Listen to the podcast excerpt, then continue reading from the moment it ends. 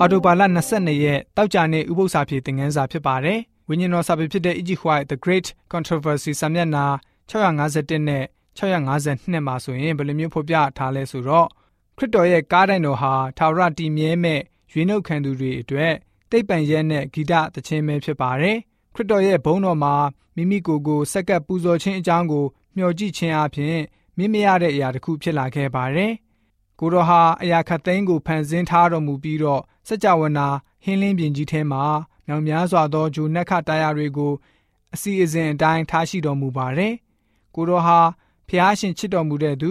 ကောင်းကင်သားတွေရဲ့အထွတ်အမြတ်ပုဂ္ဂိုလ်ခေရုဗိန်နဲ့ကောင်းကင်တမန်တရက်တွေဝိုင်းဝန်းချီးမြှင့်အခြေခံရတဲ့သူဖြစ်ပါတယ်။လူသားတွေကြာဆုံးသွားပြီးတော့အဲ့ဒီလူသားတွေကိုပြန်ပြီးတော့ချီးမြှောက်ဖို့မိမိကိုယ်ကိုနှိမ်ချပြီးတော့လူသားဇာတိကိုခံယူတော်မူခဲ့ပါတယ်။ အပြစ်ရဲ့ရှက်ကြောက်ဖွယ်မကောင်းမှုအပေါင်းကို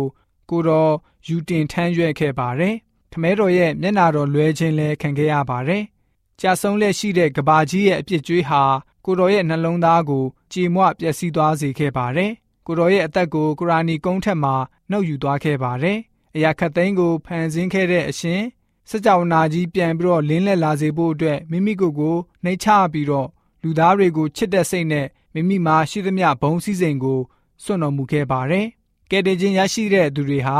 မိမိတို့ရဲ့ကယ်တင်ရှင်ကိုမျှော်ကြည့်ပြီးတော့ခမဲတော်ရဲ့ပလင်ဘုံတော်အရာအဝါနဲ့ရစ်ပတ်ခြင်းခံရတဲ့အကြောင်းကိုမြင်တွေ့ရပါတယ်။ကိုတော်ရဲ့ပလင်တော်ကိုလည်းမျှော်ကြည့်ကြပြန်ပါတယ်။ထာဝရစဉ်တည်မြဲတော်မူတဲ့ပလင်တော်ဖြစ်ပါတယ်။ကိုတော်ရဲ့နိုင်ငံတော်ဟာအဆုံးမရှိတဲ့နိုင်ငံတော်ဖြစ်တဲ့အကြောင်းကိုလည်းပဲသိရှိရပါတယ်။ဒီလိုနဲ့ချီးမွမ်းခြင်းတခြင်းတပိုင်းကိုတီးဆူကြွေးကြော်ကြရပါတယ်။ အသေးသက်ချင်းခံခဲ့ရသောတုတ်တငယ်ဟာ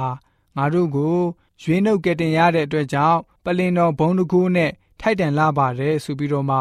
ဝိညာဉ်တော်စာပေဖော်ပြခြင်းအပြင်တောက်ကြနေဥပု္ပ္ပစာဖြစ်သင်ခန်းစာကဖော်ပြပေးထားပါတယ်။ဥပု္ပ္ပစာဖြစ်သင်ခန်းစာ၄ကတော့ဒီလောက်ပဲဖြစ်ပါတယ်။ဥပု္ပ္ပစာဖြစ်အစီအစဉ်တစ်ဆက်သူကျွန်တော်ဆဆဝါကျန်တော်သူရောက်စီတိုင်းဝိညာဉ်ခွန်အားနဲ့ပြေဝကြပါစေ။ကျေးဇူးတင်ပါတယ်။